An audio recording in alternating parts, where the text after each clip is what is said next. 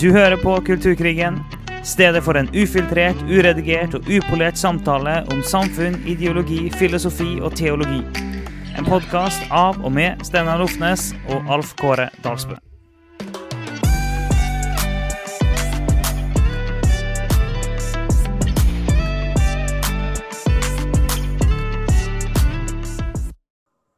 Da er vi i gang med en ny episode.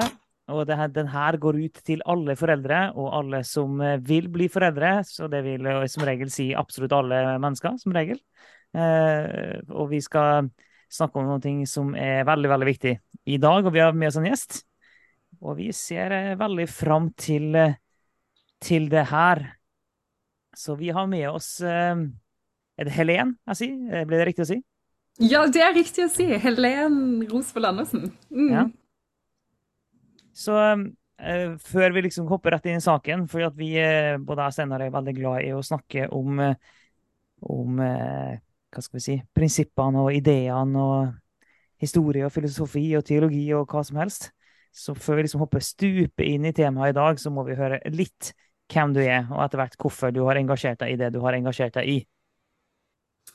Ja, takk. Eh, og takk for eh, at dere er interesserte. Det er jo utrolig hyggelig. Det starta for min del eh, som foreldre at en fikk barn i både barnehage og skole. Og dette foreldre.nett ble jo et resultat ut ifra at i tredje trinn, når vi, sønnen min gikk i tredje trinn på en offentlig skole, så så var det undervisning i skolen som vi som familie ikke ønska, og da meldte vi om fritak på det og ble avvist da tre ganger. Eh, og i den sammenheng så så vi jo det at det var et behov for å organisere foreldre rundt den tematikken. For det var flere som lurte på hvordan en kunne gå frem.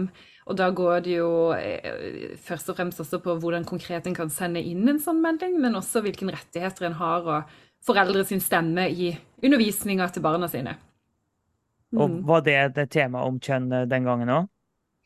Det det, det det starta på, var i tredje trinn så ble det eh, i spisepausen på skolen satt på en film i uke seks som mm. omhandla eh, puberteten. Og vi må jo huske at dette er i tredje trinn. Eh, mm. og, og barna er jo da fra syv til åtte år. Hvor da en eh, på slutten av en filmsnutt som hadde en varighet på ca. syv minutter, så, så oppfordrer han til, eh, til, onani og at det er deilig med orgasme. Så ja. Så, og da er det jo flere Det er jo urovekkende, absolutt. Og det er jo noe som vi som familie ikke ønsker at, at, eh, at sønnen vår da skulle bli undervist om i skolen. Så det, jo, det er jo flere innfallsvinkler på det. Det er jo for det første hvor, hvorfor ikke foreldre blir eh, får en mulighet da, til dialog på undervisninga og får innblikk i undervisning. Og så, og så, er det jo det også da at, at når vi fant ut at ikke det, de har noe særlig system for det på skolen på hva som faktisk blir vist. Og jeg vil ikke si at det er tilfeldig at den filmen ble satt på i uke seks. Det vil jeg ikke si. Mm. Som, uh, mm. Yes. Så det starter det. Ja. Mm. Og, eh, og, nå så foreldre.nett, og vi ser eh, at eh, dere har hatt et stort arrangement akkurat. Og, og du har jo engasjert deg i politikken òg. Så jeg har lyst til å fortelle litt mer hvordan liksom, denne ballen har rullet videre. Ja, absolutt. Det er veldig interessant. En kan nesten si at en har liksom tre hatter på seg, de forskjellige. Og det er jo først og fremst som mamma, som foreldre. Og så er det jo da politisk engasjement. Du ble valgt inn i bystyret i Kristiansand. Og eh, så er det jo da med organisasjonen foreldre.nett. Så, så det starta jo med at, en, at jeg er nok en liksom type som ikke klarer å la være å si fra. Eh, og skjønte jo raskt at eh, hvordan kan en ha innflytelse for endring for barna våre. Så det er jo hoved, hovedoverskriften. Og så har jeg da fått disse mulighetene til å få lov å jobbe fra disse, kall det nesten på forskjellige perspektivene. Mm. Med samme mm. mål på alle tre perspektiv. Mm. Altså det, det, det, er viktig, og jeg, jeg har jo fortsatt ganske, unge, ganske uh, unge barn. Min eldste mm. går jo i andre klasse. Uh, så, så, så det, det, her vil jo jeg møte i økende grad i løpet av de neste årene. Etter hvert som alle begynner på skolen, har jo fire barn. Så er, så jeg har jo ikke fått liksom noe særlig sånn erfaring av eh, møte med skolen og læreplan og alle de ulike tingene som en må støte på, og hva skal en gjøre, og hvordan skal en gå fram, osv. Så, videre, og så, videre. så jeg er jo kjempeinteressert i det her, bare sånn for min egen skyld. Og er være litt sånn forberedt på det som vil komme. Og jeg, jeg har barn i offentlig skole. Så, det, så jeg er veldig klar bare for å høre litt sånn hvordan dere jobber, hva dere tenker er viktig og, sånn, og foreldre.nett, eh, altså en finner på Facebook. Eh, så det å bare oppfordre alle lyttere til å gå inn der og se. Da, da ser jeg jo at dere skriver liksom 'la barn være barn'. Og så ser jeg at dere har lagt ut litt ulike linker og sånn til ting å lese og ting som skjer i skole og barnehage. Så det, her er det mye vi, vi, trenger å snakke om. Og vi ville, ville jo snakke med deg, for at når vi hadde en samtale med Øyvind Benestad for noen uker tilbake, mm. så sa jo han at uh, vi burde snakke med deg. Ja. Og da, da, tenkte vi ok, vi stoler på Øyvind, så da tar vi kontakt med deg.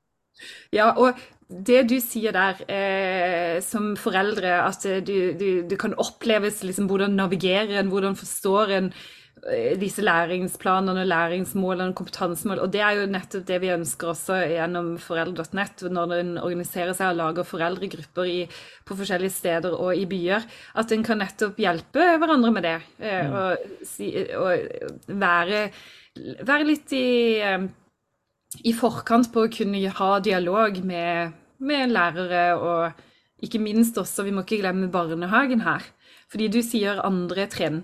Eh, og jeg kan se ut ifra erfaring eh, at det begynte liksom i tredje trinn eh, i skolen, i, Kristiansand-skolen, men ser jo nå at det er jo tidligere. Og det er jo barnehagen fremover som, som er starten nå. Så, en, så, så, det er jo det vi gjør på Foreldre.no nå, at vi skriver både skole og barnehage. For mm. vi ser det at i uke seks i Kristiansand barnehage nå, for å bruke det som et eksempel, mm. så, så, skal det være uh, I Kristiansand så kalles det En by for alle. Som, som overskriften er der. Uh, men hva, hva, hva, betyr det som foreldre? Og da må en ha en må en være på være nysgjerrig, og ikke, og ikke ha en frykt for at, at, en spør om noe galt eller trår galt. Så det ønsker vi også å inspirere hverandre til som foreldre. At eh, Spør et spørsmål med et smil. Hva, hva innebærer det? Kan jeg få litt mer informasjon? Jeg vet jo hva det betyr, men jeg ser jo at når du ser årsplanen for barnehagen, eh, og dette er jo da vel å merke, det glemte jeg å si, eh, siste året. Og da er du jo førskolebarn, så det er jo den overgangen til skole, så du er jo da mm. fem fem, fem år. Mm. Eh, og, da, og, da, kunne klare å navigere seg og se og forstå og være nysgjerrig og interessert i, i det som undervises om. Og vi tror jo og erfarer også at, at, de fleste som er ansatte i både barnehagen og skolen, ønsker jo et bedre og sunt samarbeid med foreldre. Mm. Mm. Det er jo interessant det med en skole for alle, eller en by for alle eh, disse her begrepene som ble brukt, mm. Eh, som når vi har jobbet mye med tematikken, så kjenner vi det igjen med en gang. Men det er jo utrolig generelle og fine begreper. Um, mm. Men det kan være greit å, at folk uh, blir, skjønner det, at, at, her må man være litt ekstra obs når man bruker sånne ord som mangfold og alle og inkludering og, og sånn som det der. For det betyr som oftest noe veldig spesifikt. Eh, ikke bare den sånn generelle, åpne for alle typer mennesker. Eh, det har blitt et kodespråk. Det er et kodeord for ideologi. Ja, det, det er akkurat det. Det har blitt et kodeord for ideologi. Sånn. Bare gå tilbake og hør julekalenderen vår i podkasten, så får hun høre der vi dekoder. Ja, ja den er fin. Den skal jeg høre, altså. Jeg har hørt det. Veldig bra. Ja, ja, ja. Og, og det, er no, det, er jo nettopp den viktigheten som vi vet med ord. Hva det mm. betyr, og hva det gjøres for, for, um, for å være litt sånn uh, det som rører seg sånn for vår del i foreldre.nett denne uka her og de siste dagene, så, så, er det nettopp dette med ord, eh, og hvordan også media bruker det eh, for å fremstille noe som noe ikke det er, da. Eh, og da, da, er det jo det at vi har i, Kristiansand og nettopp så har vi noe som heter Den kulturelle skolesekken, som betegnes som DKS og er jo da eh, noe som skoler, den offentlige skole, sånn som i Kristiansand, så er ungdomsskolen eh, De skal ta imot dette opplegget tre ganger eh, i løpet av et skoleår. Og så kommer det fra fylkeskommunalt hold, og så er det også inn til ungdomsskole, som da er, ligger under ansvaret for kommune. Så det som er interessant da, er jo at når jeg snakker med DKS sine prosjektledere, så sier de at dette er en portefølje som det er fritt valg for skolene og den som har ansvar for kultur på skolen, å si ja eller nei til, men skolene sier at dette er noe de er pålagt. Så det, Nå bare begynte jeg litt sånn detaljer i det. fordi det som har skjedd i Kristiansand nå, det er jo nettopp det at en gruppe foreldre har ønska eh, å få mer informasjon om eh, en konsert som skal være i regi av DKS, som, som heter eh, eh Eden. Eh, altså da eh, rett pop med skeive forbilder. Det er overskriften. Og det som vi ser da på de ungdomsskolene, er jo at eh, foreldre eh, enkelte steder ikke får informasjon om hva som skjer. Det kommer en konsert på skolen uten at foreldrene vet om det. Det er noen steder. Og så blir det noen, på noen ukesplaner lagt ut en link som du kan gå inn og se. Og vi vet jo alle at det er jo fort gjort å ikke trykke på den linken i den ukesplanen som kommer på skolen. Og så er det jo òg da eh, tanken til både DKS og skolen, nå skal jeg prøve å holde tankene rett i hodet for å få frem budskapet, er jo at dette er jo tematikk eh, som, som de sier det skal debatteres både i forkant og etterkant av konserten, nettopp fordi at det er krevende tematikk for elevene. Det skal sies at dette er ungdomsskoleelever fra 8. til 10. trinn. Eh, og det som har skjedd i Kristiansand nå da, er jo at en, en gruppe foreldre har da tatt kontakt med skolen hvor de har eh, elever og sagt at, det, at dette er noe vi eh, stiller oss kritisk til. Jeg har ikke sånn første hånd på hva de har kommunisert med hverandre, men da valgte skolen å kansellere fordi det var for, for, kort tid og for vanskelig å gi ut informasjonen til, til foreldrene. Og det som jeg skjønner er krevende her, da, det er jo det at når foreldre da går inn i rollen sin og spør skolen og har en åpen dialog der, så blir dette presentert til media som at det er en, en, en, viss gruppe foreldre som boikotter homofile artister. Mm. Og det er jo krevende, fordi at det handler jo ikke om likekjønna debatten. Det handler jo om sine egne barn som skal ha en konsert hvor det, blir, hvor det er krevende tekster. Så Nå vet jeg ikke om Nå begynte jeg å snakke om noe som er liksom dagsaktuelt, men det som var poenget ja, ja. er at her ser vi en gruppe foreldre som, som, som, etterspør det en sier, det for det er vanskelig å få alltid innsikt i hva som foregår i skolen. Skolen mm. sier at de er pålagt å gjøre den undervisninga. Kanskje ikke alltid er like heldige med hvordan det kommuniseres eh, til, til foreldrene. Eh, og, og, sier tydelig at dette kan de bli bedre på. Og så når da eh, de foreldrene som sier at dette er, eh, in, dette er undervisning som ikke er i det verdigrunnlaget som vi ønsker, så, så, blir det fremstilt offentlig i media som at du er imot homofile og, boy, og at du kansellerer. Så poenget mitt er at jeg forstår godt at det er krevende for noen å nettopp tørre å spørre de spørsmålene til skolen og til elevene. For jeg vil bare at det, at det kan høres så enkelt ut, og så er det enkelt også. fordi det er jo nettopp kommunikasjonen som gjør at en, når frem. fordi foreldrene sin stemme skal jo være eh, den som leder og er bestemmende for undervisninga til, til barna sine, ikke offentlige ja, det er jo interessant når det på en måte Ja, det, dette skal det være debatt om, og vi er informert, men så med en gang du stiller spørsmål, så går det rett over i en sånn offentlig anklage og gapestokk.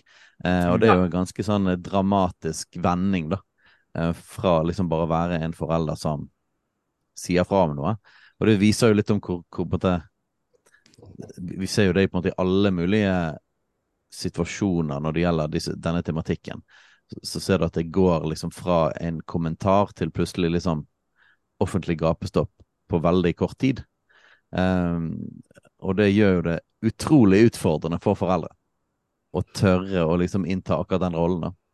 De gjør det, og jeg ser sånn som i den, det eksempelet jeg ga nå for Kristiansand, så er det jo snakk om at min rolle, som vi begynte å si litt om, for jeg har jo både politisk og er en del av en organisasjon og er jo foreldre sjøl. Og her har jeg kun vært med på å oppfordre til å oppsøke informasjon.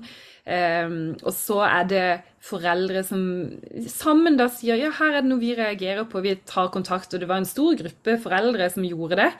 Uh, og, og, blir da fort kansellert uh, selv i media. Og blir uh, Så, så, så det, det, det, er jo noe med at vi, vi har jo et behov for en organisasjon for å kunne kunne kommunisere direkte med hverandre, sånn at en kan bygge den eh, Nesten som en kan kalle det selvtillit som foreldre til å tørre å tenke sjøl. Mm. Er det lov å si? Mm. Ja. Det er veldig viktig. Så, så, det er jo på en måte sånn flere lag. da, så Det første laget er på en måte bare i det hele tatt å få med seg hva som skjer.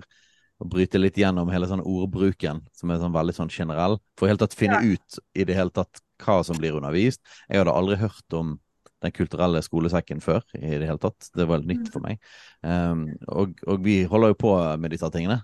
Så, uh, og så er det da når du først faktisk vet hva som skjer, og da tør å faktisk si noe.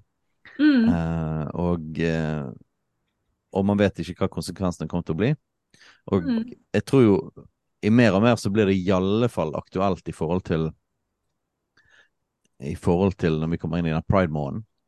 Eh, for da, blir det, da er det mer sånne eksplisitte markeringer og sånne ting på barnehager og skoler. på en måte, Så det, det har vel vært en av områdene jeg tenker kommer til å bli veldig aktuelt å liksom organisere seg litt på og mm. eh, si fra om. Men, men, så ser vi jo det at det er jo ikke bare den måneden. Det, det, kommer jo, det er jo inne i, i læreplaner og i skolebøker og eh, overalt. Så, mm. så, dette med foreldre, foreldres rolle i dette er bare utrolig viktig.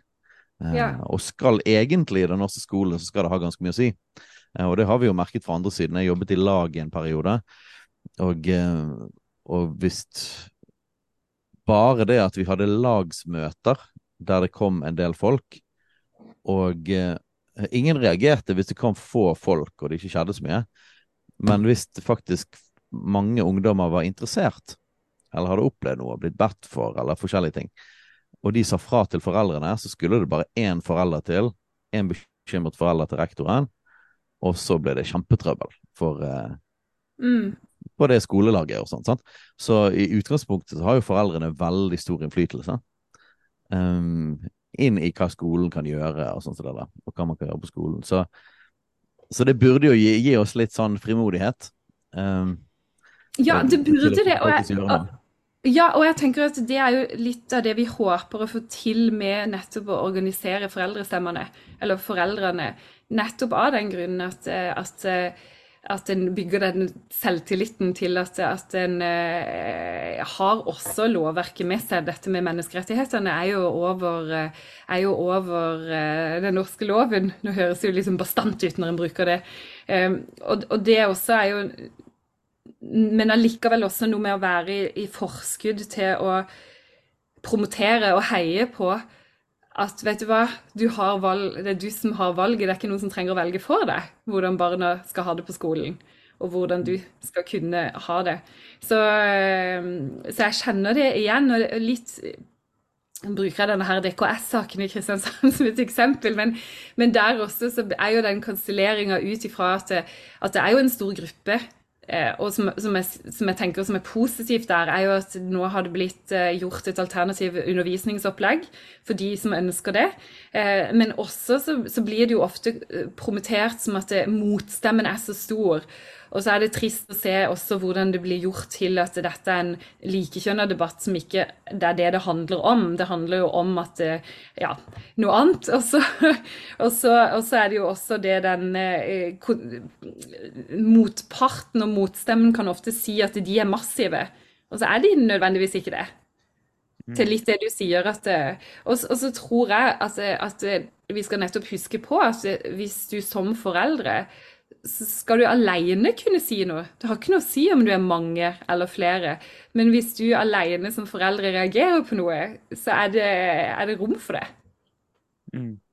Ja, du, du, sier at okay, det er rom for å reagere. Nå prøver jeg å tenke. Mm. Ok, jeg har, um, jeg har da en gutt som går i andre klasse. Og la oss si at uh, jeg setter meg ned og ser igjennom uh, noen læreplan eller et eller annet noe materiell, og så oppdager jeg det at uh, Oi, nå eh, neste uke så skal de lære at eh, du kan velge hva kjønn du har lyst til å være, eksempel. Mm. Eh, Jeg vet ikke når det her kommer inn, eh, hvilke trinn det kommer inn, men bare la oss bruke som et eksempel. At ok, så oppdager jeg det, og jeg Mm. reagerer på det og tenker at men det er så langt unna det jeg tror på, og jeg mener at det her er helt, helt, helt feil. Hva kan jeg gjøre?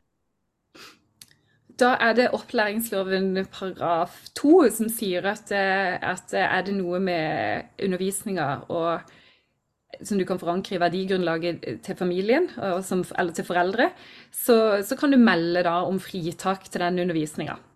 Og det er det meldingsskjemaet. Så da kan du melde det inn. Men da må du jo først selvfølgelig, som du sier, også oppdage på å forstå hva, hva det er, eh, og når det kommer. Og så, og så må du sende den meldinga til, til rektor. Og det, det skal de jo akseptere. I Kristiansand så har de jo da sagt nei til det tre ganger, som jeg var inne på. Men den saken ligger jo der nå at nå er det menneske det er noen sånne menneskerettighetsjurister som har da gått til søksmål mot Kristiansand kommune fordi de må nødt til å si ja til den. Så det er liksom status. Nå en digresjon, det var en digresjon til spørsmålet ditt, men bare for å vise at det, Og det, det er jo tilbake til foreldre.nett, at du skal kunne gå inn på hjemmesida vår nå, som blir lansert nå innen kort tid, og så kan du klikke deg på det skjemaet. Ja. så kan du skrive direkte inn i PDF-en og printe det ut, sende, eller eventuelt sende det Ja, til skolen. bra. Ja, så Ja, for bare, mm, Eh, For at jeg, jeg så jo det, eh, Dere var intervjua i Dagen i slutten av august, eller hva det var. Eh, Jeg la, oss en artikkel eh, tidligere i dag. Jeg husker ikke om det var Ja, det for, for en liten stund siden. Eh, Og der sto det noe sånn som at det var gitt avslag på noen sånne eh, søknader fordi at eh, det, det, det sto i læremål... eh, Det var blant læringsmålene, eller noe sånt sto det. Så en kunne yes. liksom ikke gi fritak for læringsmål. Og da tenkte jeg bare sånn Men er ikke alt en gjør i skolen kobla opp mot læringsmål? Jo, det har du helt rett i. Og det som en bruker også nå, er for de bytter jo litt termologi på dette, og, og det de kaller, det det heter per i dag, er jo da kompetansemål. Ja. Så de, det det heter, det er jo et kompetansemål. Og det er litt interessant, fordi at eh, i kompetansemålet så står det at du skal lære om kjønnsidentitet. Ja. Men det som blir undervist, er at kjønnsidentitet er sannhet. Ja, det er et godt poeng. Ja. Det er et veldig godt poeng. Mm. Og den, Ja, den er bra. Ja, er ikke den fin? Og det er jo helt korrekt. Eh, og det som en fikk avslag på eh, i Kristiansand, det var jo nettopp at omfanget i OK, jeg må bygge det opp litt annerledes. Det ble jo avslag fordi det er jo fem fag som omhandler kjønnsidentitet. Eh, så det er fem kompetansemål i fem fag i fjerde trinn, var dette. Eh, og, det, og, da var det krevende for skolen å klare å gi alternativ undervisning når det var så stort omfang på undervisninga om kjønnsidentitet. Og det, det er jo interessant i seg sjøl, hvor, hvor vidt det er i så mange fag. Og det er jo der, det er jo der saken ligger nå, at de, de må jo akseptere det fritaket. Fordi det er foreldrene som har definisjonsmakta på undervisninga. Eller definisjonsmakt som tenker jeg som har ansvaret og bærer ansvaret for undervisninga. Så, så det, det ligger jo der. Så jeg håper jo at, eh, at vi kan få en, en god eh, fremdrift på disse skjemaene, og kan inspirere og hjelpe skolen til å være bevisste på at det, det står i kompetansemålet at du skal lære om, og ikke at kjønnsidentitet er sant. Ja, for den der, den der er veldig viktig at vi som foreldre følger med, da. Og at vi, eh, eh, at vi utfordrer skolen på de, de tingene der. Om at, eh, at hallo, målet er bare at de skal lære om det, ikke at dere skal fortelle dem sånn og sånn er det. Det er stor forskjell på det. Her må vi foreldre være våken. Men, Ja. men en ting er jo liksom hvis, ok, hvis eh, min sønn får fritak fra en undervisning, så lages et alternativt opplegg for han, da vil jeg anta. Er det sånn det funker?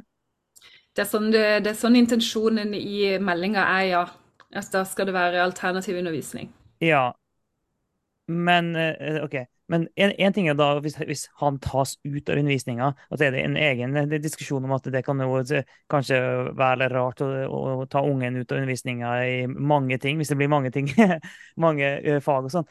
Men um, hva, er, hva muligheter har vi som foreldre til å utfordre lærere og rektor på det de lærer? For de har jo kompetansemålene, som du sier, de er generelle, og så har de jo, bruker de ulike lærebøker osv. Og så er det sånne lærerveiledninger til og med lærebøkene. Sånne, det, det, er noen sånne greier. Men hva mm. kan jeg liksom hva Kan jeg gå til læreren til min, til min Til alle menn der ute, sett av helga 3. til 5. mai 2024, for da skal Kulturkrigen arrangere mannshelg på Hemsedal høyfjellssenter. Da skal vi gå inn i eh, mannstematikk koblet til kulturkrigen. Altså, hvordan er det å være mann i denne krigen vi står i i samfunnet, og hva er faktisk vårt ansvar og vår rolle? Så hvis du syns det er interessant, og hvis du liker å høre på denne podkasten her, så går du til fjells.no og melder deg på mannshelg med Kulturkrigen 3. til 5. mai. Gjør det Vel. Nå. Sønn, og, og um, stille noen forventninger og krav til hvordan det her skal legges fram? Absolutt. Og det er veldig interessant at du sier, for en del av de lærerne vi snakker med, og som jeg snakker med, det, de, de, savner jo litt at foreldrene stiller krav til lærerne. Så det er et mm. veldig bra spørsmål. Og det er jo et godt fokus, fordi eh, en liker jo at dette er en, en, et, et, samarbeid og en dialog som kan bli tettere. Jeg nevnte litt det i starten av podkasten vår her, at, mm. at, det samarbeidet kan bli bedre. Og nettopp på det området at da gjør en det jo enklere for lærere også når foreldrene er tydelige på hva en forventer. Så det kan en gjøre.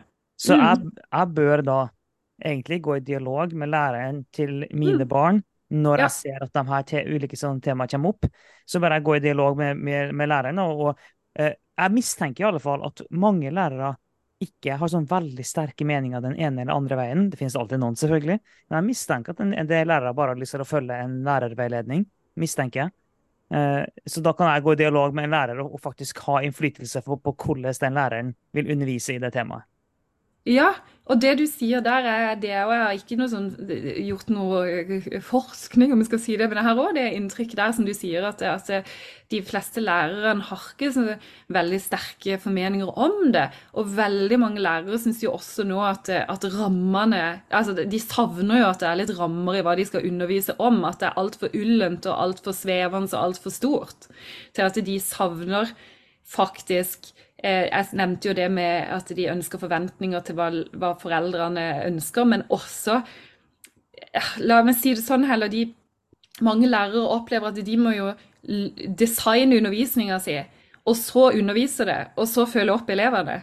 Så de savner jo at det ikke, at det ikke er mer strammere rammer for hva som skal undervises om.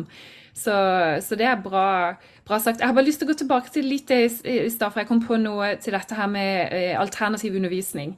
Ehm, jeg kan se noen steder i det som vi har erfart, eh, at enkelte skoler, også barnehager, velger jo nettopp å ta bort ehm, ta bort det som det blir satt spørsmål med av undervisning. Det var bl.a. i en barnehage hvor det skulle eh, være en form for undervisning som da eh, noen foreldre reagerte på, og hvor da enhetsleder eller styreren av barnehagen da valgte å avlyse denne undervisninga fordi de ønska at alle skulle være inkludert. At ikke det skulle være to-tre av barna som måtte gjøre noe alternativt, fordi at de så jo at dette ikke var helt forenlig. Og da kan vi òg ta tilbake igjen til det som skjer um, i den DKS-saken. Fordi der mm. får en jo nå eh, alternativ undervisning, eh, og, og, det er positivt. Og nå er det jo, det er jo forskjell på barn i barnehage og ungdomsskolealder. Men jeg ser jo nå at de foreldrene som skal ha den alternative undervisninga, syns jo det kan være litt krevende hvis det viser seg at av de 187 elevene som går på akkurat den skolen, så er det kanskje eh, ti stykker som tør å, tør å, si det, og tør å gå. Så, så det òg kan jo være krevende som foreldre å se at det sitter Altså, du skal jo ha noen lag der av selvtillit, som jeg kaller det, for, for, for å nettopp eh, ta barnet ditt ut av undervisninga og gi det den eh, Ta ut, det var feil av meg å si, men at en, at en sier ja takk til alternativ, da. Mm. Ja, men jeg, eh, jeg, tenker jo på at hvis en klarer, klarer, å forme lærerens undervisning, så slipper en jo fritak i det hele tatt. Ja, veldig bra. Helt enig. Eh, det må jo så, være førstemålet. Ja, ja, ja altså, jeg, nå, jeg, nå, nå, stiller jeg spørsmål ene og alene ut fra egoistiske be, behov, holdt jeg på å si. Ja. Er dette egeninteresse 100 Eh, men, eh, for da må en jo, men jo finne læreplanen til, eh, til skolen, da. og men det, altså, jeg, har, jeg har ikke mottatt noen læreplan fra skolen. Jeg, jeg ser ukeplanen uke fra uke, liksom. Men jeg har ikke mottatt noen eh, noe stor plan der jeg forstår hva, han skal, skal, gå gjennom. Så hvordan i all verden skal jeg finne den informasjonen? Ja, det er et utrolig bra spørsmål, fordi du, du vil jo ikke kunne finne det. Uh, og uh, det som, Nå kan jeg bruke Kristiansand kommune som eksempel. og så, så må en jo huske at, uh, for det er den jeg kjenner best, så må en jo huske at det kan være forskjellig fra kommune til kommune. Men i Kristiansand så har det vært sånn at, at, at du får den ukesplanen. Mm. og det er det du får. Og så har de gjort om nå etter de nye kompetansemålene. Hjelp meg gjerne med hvilket år det kom, jeg lurer på om det var i 2021? 2022? Så har de jo tatt bort at nå skal de ha noe som heter årshjul på undervisninga. Så når jeg har etterspurt bruk saken min som et eksempel på denne tredje klassen nå i 2022, så spurte vi, for jeg, jeg så jo på ukesplanen og så noen ord og gjorde litt det du sa. Eh, skriver mail til kontaktlæreren og sier hei, hei, kan du gi meg litt mer nærmere info om hva du tenker om det, og hva er det dere konkret skal undervise her. Og da eh, fikk jeg jo som svar at de lå en uke i forskudd på hva de planla. Eh, ja. Okay. og nå, nå, er jo dette et enkelttilfelle, og det er ikke alle som gjør det på den måten. der, Men i, i sammenheng med det så spurte jeg Dere må jo ha en slags form for eh, langsiktig plan på hva dere skal mm. gjøre for å gå gjennom disse kompetansemålene. Og det kan godt være noen har. Men da ble jeg jo satt videre til rektor, og rektor sier det at det, i og med at det er nye retningslinjer nå, så holder de på å utarbeide noe som heter årshjul. Så det, du, det, det kan være krevende å finne ut av det, og det tror jeg både er for foreldre og lærere. Altså, er, Med en gang vi er ferdig med opptaket, her, så skal jeg gå, fyke av gårde en melding til uh, min kontaktlærer der jeg skal be om å få så mye informasjon som jeg bare kan. Altså, det, nå kjente jeg at jeg fikk litt uh, fyr i baken her til å uh, få oversikt over ting. Ja, og vi vet jo alle at oversikt gir jo trygghet, og oversikt gjør jo også fremgang til vekst, positiv vekst. Så vi kan jo hjelpe hverandre. Mm. Og det er jo ja, det, det Mm, nei, unnskyld. Ja, det er jo utfordrende i skolen generelt at det stadig er nye varianter og nye reformer og nye sånne ting. Altså det er jo, det er jo en del av hverdagen til lærerne som er, som er krevende i seg sjøl. Og i tillegg så er det på en måte at uh, kjønnsideologi og en del av disse tingene her er jo på en måte bestemt fra høyeste hold at dette skal inn overalt i samfunnet. Det skal inn i, uh, i utdanning og sånn. Men så er det jo noe nytt, da. Uh, og det er ikke bare bare å få det liksom fra det store uh, dokumentet som uh, fra politikerne, og så skal dette inn helt liksom, på lokalt nivå, og plutselig så havner det hos en lærer da, på skolen og sånne ting. Og så har jo ikke de fått opplæring sant, i forhold til hvordan undervise kjønnstematikken, for eksempel. Nå, sånn når vi har snakket med Truls og sånn, så har han snakket om de har gått gjennom alle lærebøkene, så nå er jo da alle norske lærebøker har, har disse tingene inne. Men det er likevel et steg derfra videre til hvordan ser dette ut, og når skal vi undervise det, og hvordan skal vi undervise det. Så det gjør jo landskapet litt sånn krevende òg for oss foreldre, da. Eh, at, at lærerne ikke vet helt. Samtidig så er det jo betyr det jo det at hvis vi er litt ute i denne epoken, og dette her innføres kraftigere i norsk skole, så kan vi jo være mer med å forme det enn når tingene er blitt skikkelig etablert, som jeg regner med uh, det nok blir. På samme måte som uh, matematikken og uh, ja. norskundervisningen og alle de andre tingene som har vært i skolen hele tiden. Sant? Så på et eller annet tidspunkt så vil jo dette bli mye mer etablert.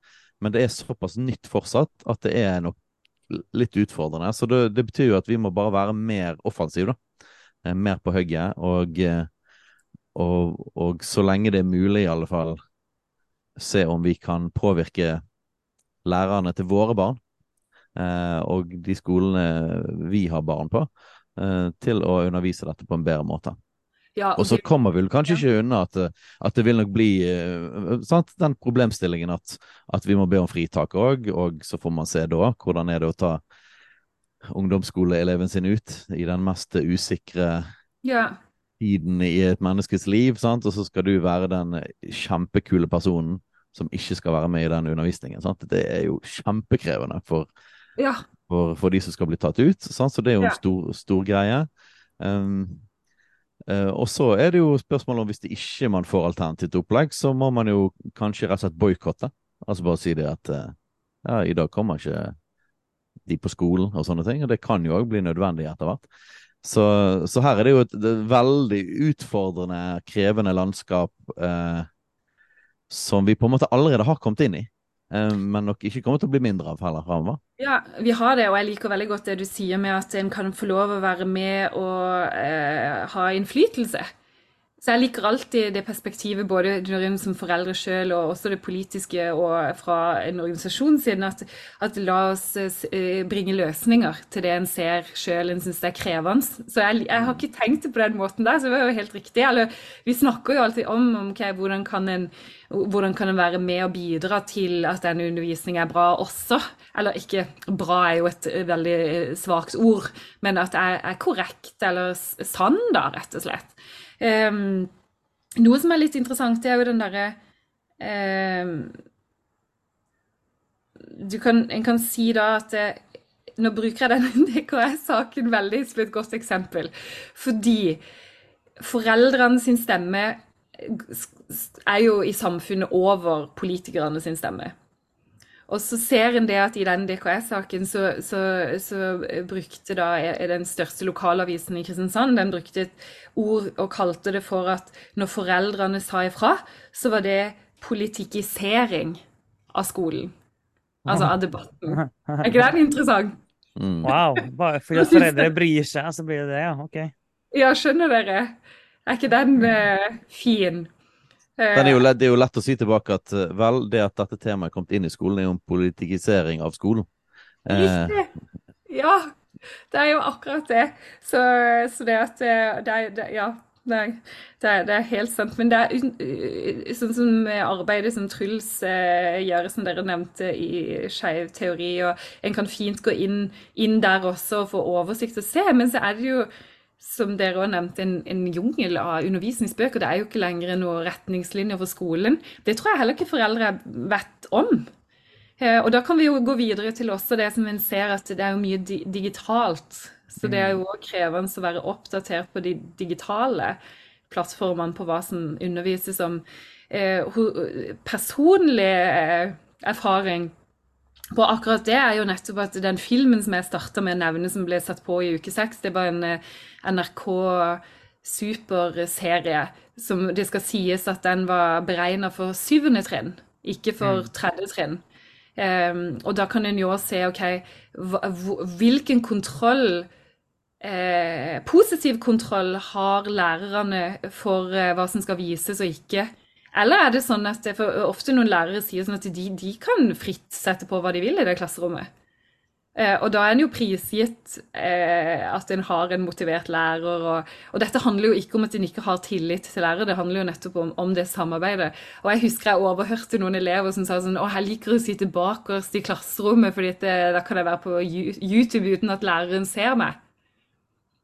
Og så kan en tenke at det er bare en liten detalj, og nei da, en, en har kontroll på hva som, hva som gjøres. Men, men, det er jo noe med også Skal førsteklassinger ha fri tilgang til YouTube når de er på skolen?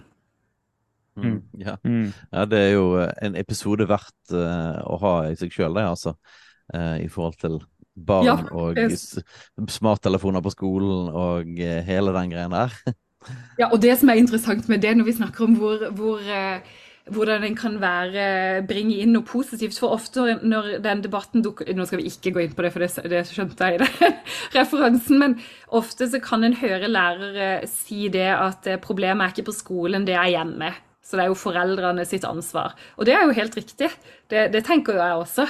Altså det er jo foreldrene sitt ansvar hvor, hvor, hvor mye skjermbruk en har i løpet av eh, la oss brekke det ned til en dag da, til barna sine, så er det jo nettopp det. Men så sier en jo at det, det maksimumet Dette er jo forskning, og det kan en jo, kan jeg jo ettersende tall til dere eller informasjonen på, men en sier maks at barn skal være én time på skjerm i løpet av en dag. Går du over der, så kan det bli til psykiske utfordringer og ja, Men det kan vi jo ta i den episoden, eller jeg kan følge med på episoden deres på det. Ja, men, og, ja. Eh, og, det er jo nesten ja. skremmende òg, for du tenker oi, jeg har jo sånn her eh, i forhold til våre barn, så har de jo sånn skjermtidsgreie som er på Som vi sånn styrer og sånt. Så, Ja. som, det er jo noe av det de hater mest i hele livet. Det er jo den skjermtidsstyringen vår. så, sånn er det. Eh, men der har man jo oversikt over hvor lang tid eh, de bruker på skjermen. Og eh, det er klart at det er over en time, for å si det sånn. Eh, det er det ingen tvil om. Og nå, men nå var vi jo inne egentlig på eller, Vi skeier litt ut nå, jeg skjønner det. Men i, i Kristiansand så var det en, en foreldregruppe på eh, en skole som samarbeida, eh, foreldrene internt, og tok 14 dager uten skjerm. Altså, og så, og så gikk de så, Det var utrolig kult, for de gikk skikkelig back to basics, som er liksom veldig positivt. Eh, personlig syns jeg det er veldig positivt. Eh, hvor de da To ting som er positivt. Foreldrene kobler seg jo på på hva barna gjør på aktiviteter, og at de eh, gjør noe sammen. Eh, de gikk mye på tur i skog, bygde ting, var ute. Og barna elsker det jo, og spør jo ikke etter den skjermen. Så, så er det jo klart at jeg klarer jo å se at dette er jo fra forskjellige hold og lag. fordi tida vår blir jo slukt opp på forskjellige måter. Men vi går jo alltid tilbake igjen til at det er jo et valg. Og det, det, er jo det som er positivt, når en kan få lov å ha et fritt liv til at det er du sjøl som velger hvordan familien og hvordan du skal ha foreldrerollen din. Men det var gode resultater da, for de 14 dagene. Og det var ingen barn som savna den skjermen. Ja, og, og sånn, det, det, henger jo sammen med på en måte at, at vi som foreldre ikke lar bare eksterne ting ta kontrollen da, Mm. eh, Ja. over barnas liv. Enten Mm. det er skolen eh, og hva som blir undervist der, eller det er sosiale medier, eller teknologien som vi har. Og det er et utrolig viktig tema.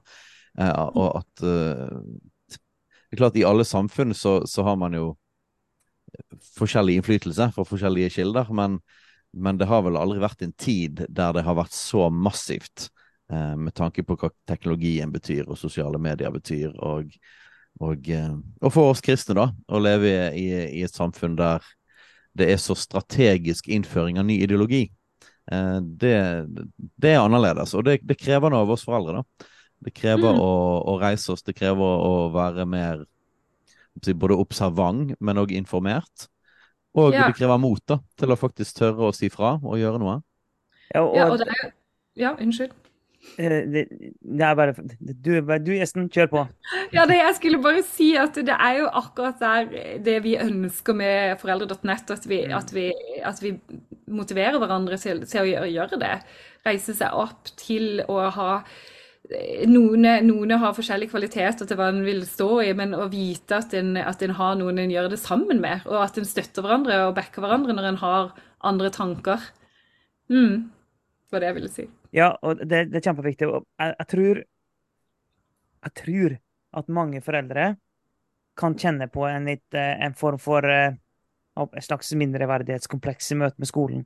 Jeg tenker at skolen bestemmer. Skolen er autoriteten. Og her må nok mange foreldre ta tilbake den autoriteten som en skal ha. Og tørre å ta den plassen og ta det rommet.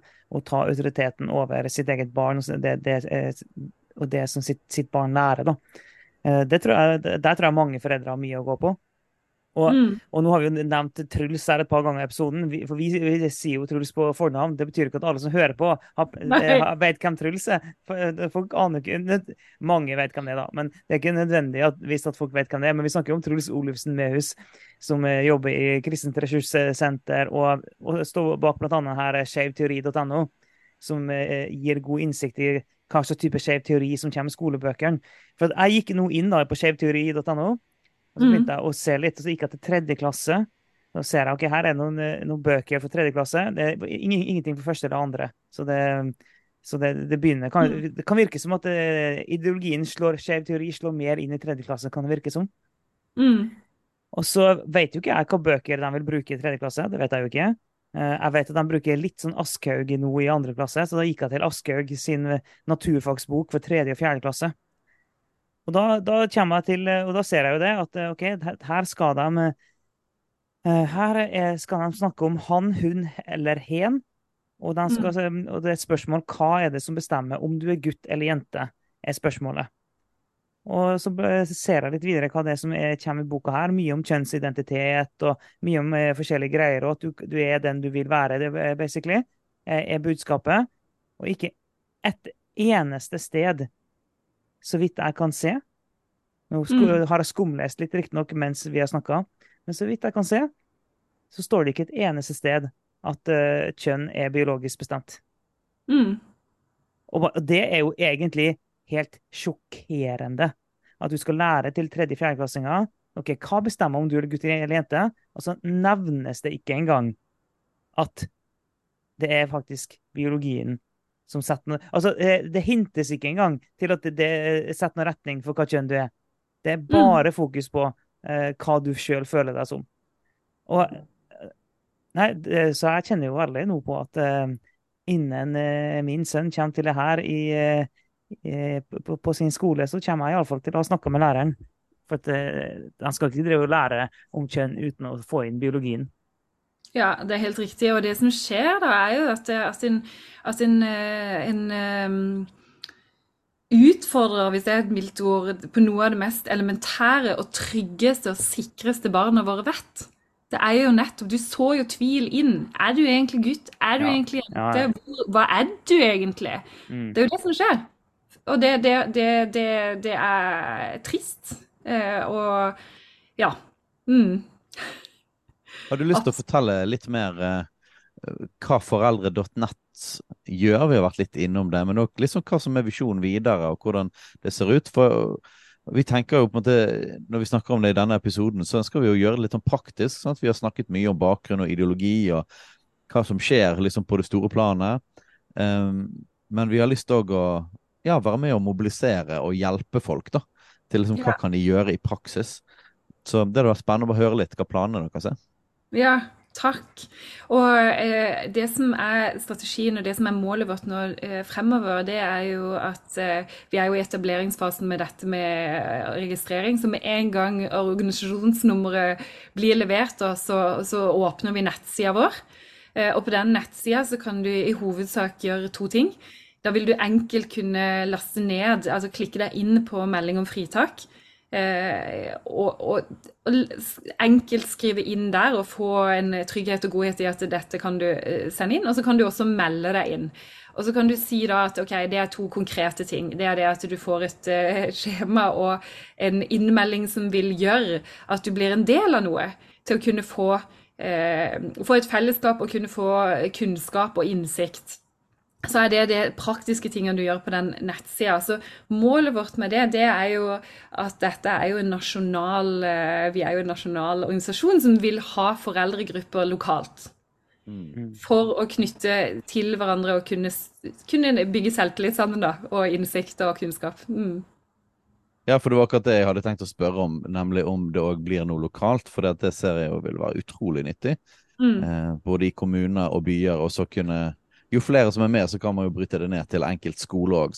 Mm. Ja. Både skoler og klasser, at foreldre kan faktisk stå sammen. Og det, det, er, det har så mye å si at man ikke ja. står alene. Det er, det er Jeg snakket akkurat med en tidligere i dag om, om betydningen av å ikke føle at du er alene. Vi, vår eldste datter har akkurat begynt på videregående, og eh, kjenner ingen der, da.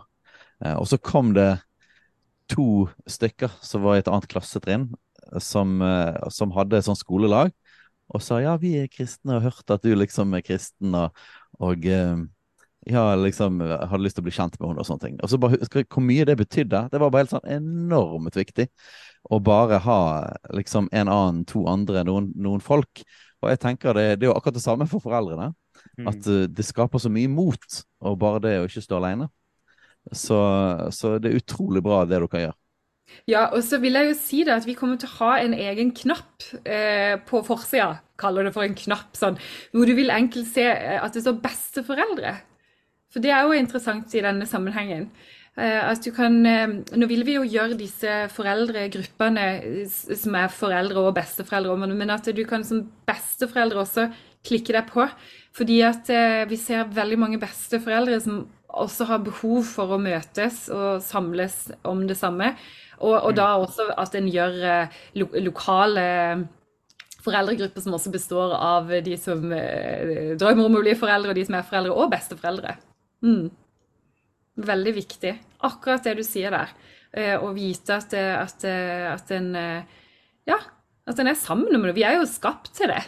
Å være felles. En skal ikke gå livet alene.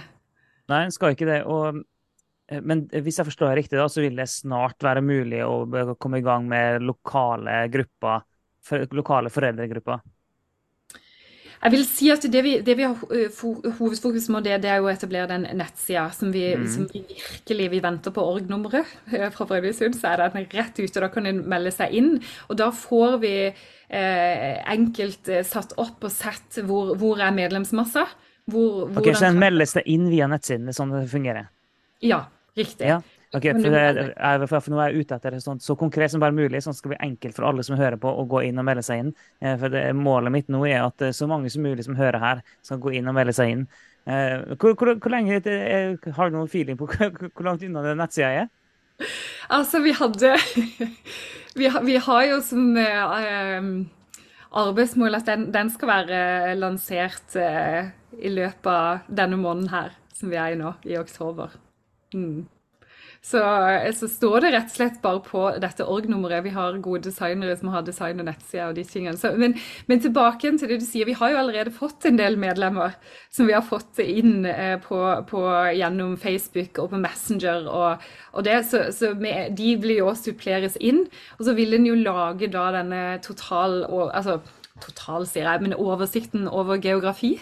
Eh, og da vil vi kunne være behjelpelige til å kunne gjøre disse lokale gruppene ut ifra det. Så, så, jeg vil for å være realistisk i, i det sånn som vi har satt det opp, så, så vil vi på nyåret kunne, kunne mest sannsynlig invitere til lokale foreldregrupper.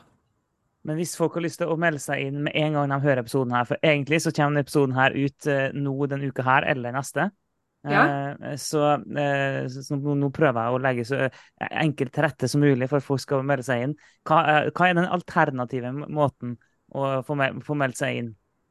Det du kan gjøre, uansett, ja. skal du skrive foreldre.nett oppe på søkemotoren din på internett. Mm -hmm. eh, og da vil du eh, Om du ikke da kommer rett inn på nettsida vår, mm ikke den har blitt eh, klar til når du gjør det, så kommer du inn face, direkte inn på Facebook-sida.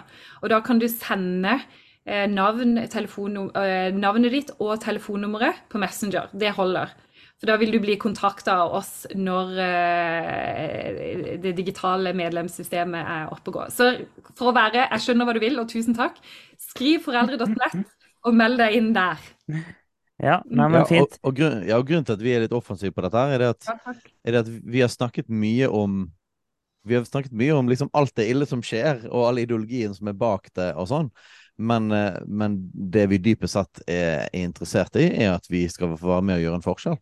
Mm. Eh, og, og, man kan på en måte bli apatisk eller, eller liksom negativ når man bare vet om alt som skjer, men du liksom ikke kan gjøre noen ting. Men er, derfor er det så utrolig bra når det blir helt sånne konkrete ting som gjør at OK, jeg kan faktisk uh, gjøre et bidrag. Og det som er fint i forhold til oss kristne, det er at vi er nok hakket mer vant med å kan si, organisere oss og lage organisasjoner og liksom eh, lage arrangementer og alle de tingene enn kanskje den jevne nordmann er. Eh, og så, så, her har vi liksom en litt sånn fordel inn mot dette, da. At, at, vi er litt vant med det, og vi kan liksom sette opp sånne ting. Vi melder oss inn, vi kobler oss sammen. Eh, og vi har mange koblinger fra før av sant, i menigheter og, og, alle andre ting som skjer. Og det, det gjør, kan du si, selv om kristenheten er en minoritet i landet, så gjør det oss til en, til en minoritet som kan ha en stor innflytelse, hvis vi bare går sammen. Uh, og Vi er jo ikke så veldig fan av Karl Marx på denne podkasten, men han sa jo 'arbeider i alle, alle land foren dere'. Uh, og, vi, og, her kan vi jo si da kristne foreldre og andre som uh, er enig i denne saken, i hele landet. la oss forene oss, sånn at vi faktisk kan være en stemme inn i disse tingene. Ja. ja, og jeg vil jo si alle foreldre, uansett. Yes. yes.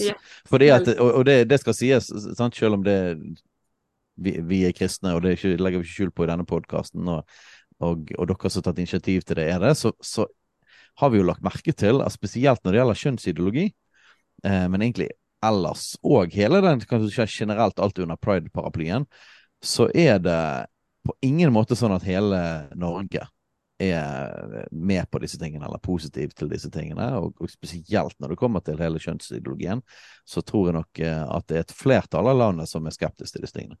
Uh, og uh, Så man trenger absolutt ikke å være kristen for å være med og kobles inn imot og være en stemme på dette. Vi, jeg møter stadig flere folk som ikke er kristne i det hele tatt, som reagerer ganske kraftig på hvor offensivt en del av disse tankene på en måte blir presset på.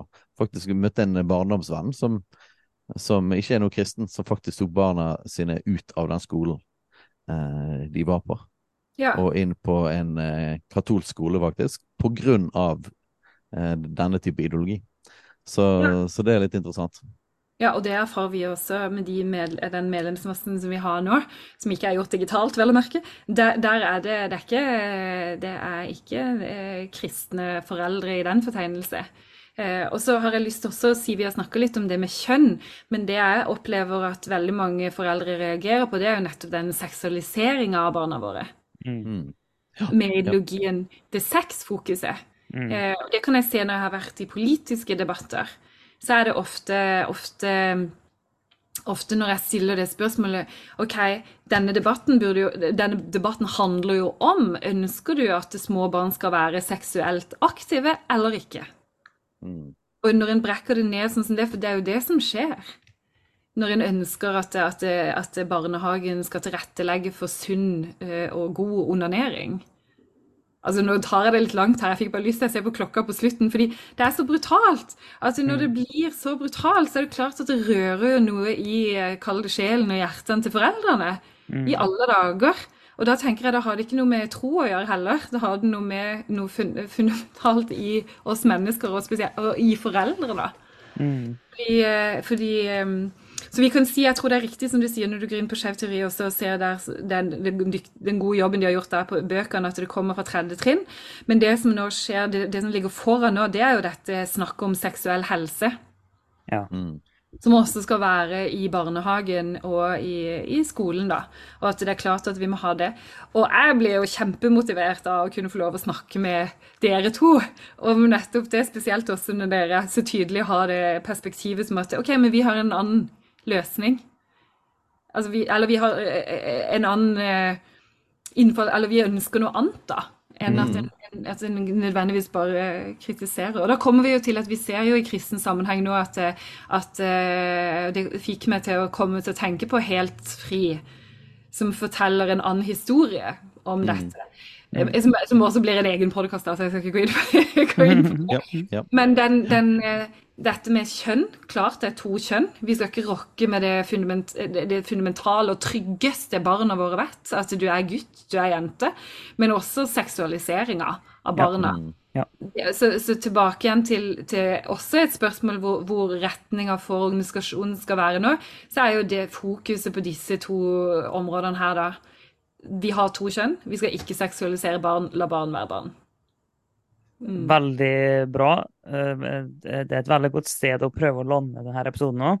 Mm. Og, jeg, og jeg, jeg, gir meg ikke helt på det jeg sa i stad, men eh, at, så bare for å gjøre det helt krystallklart for folk, gå til foreldre.nett, meld deg inn. Enten så følger du den sida på Facebook, og så får du sikkert opp i feeden din etter hvert når nettsida er klar. Mm. Eller så sender du inn eh, melding på Messenger til foreldre.net at du vil være med. Eh, ja. Så det oppfordrer jeg sterkt alle til å gjøre. Jeg skal gjøre det.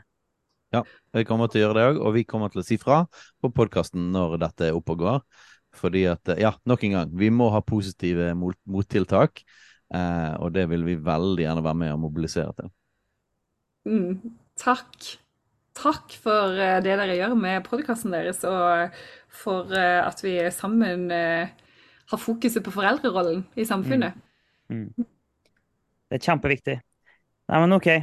Takk Len, for en eh, kjempegod eh, prat, og eh, takk for at du kommer inn med det perspektivet her. Det trengte vi i dag. Supert. Tusen takk for meg. Takk, dere. Da sier vi det sånn, og så høres vi igjen neste uke.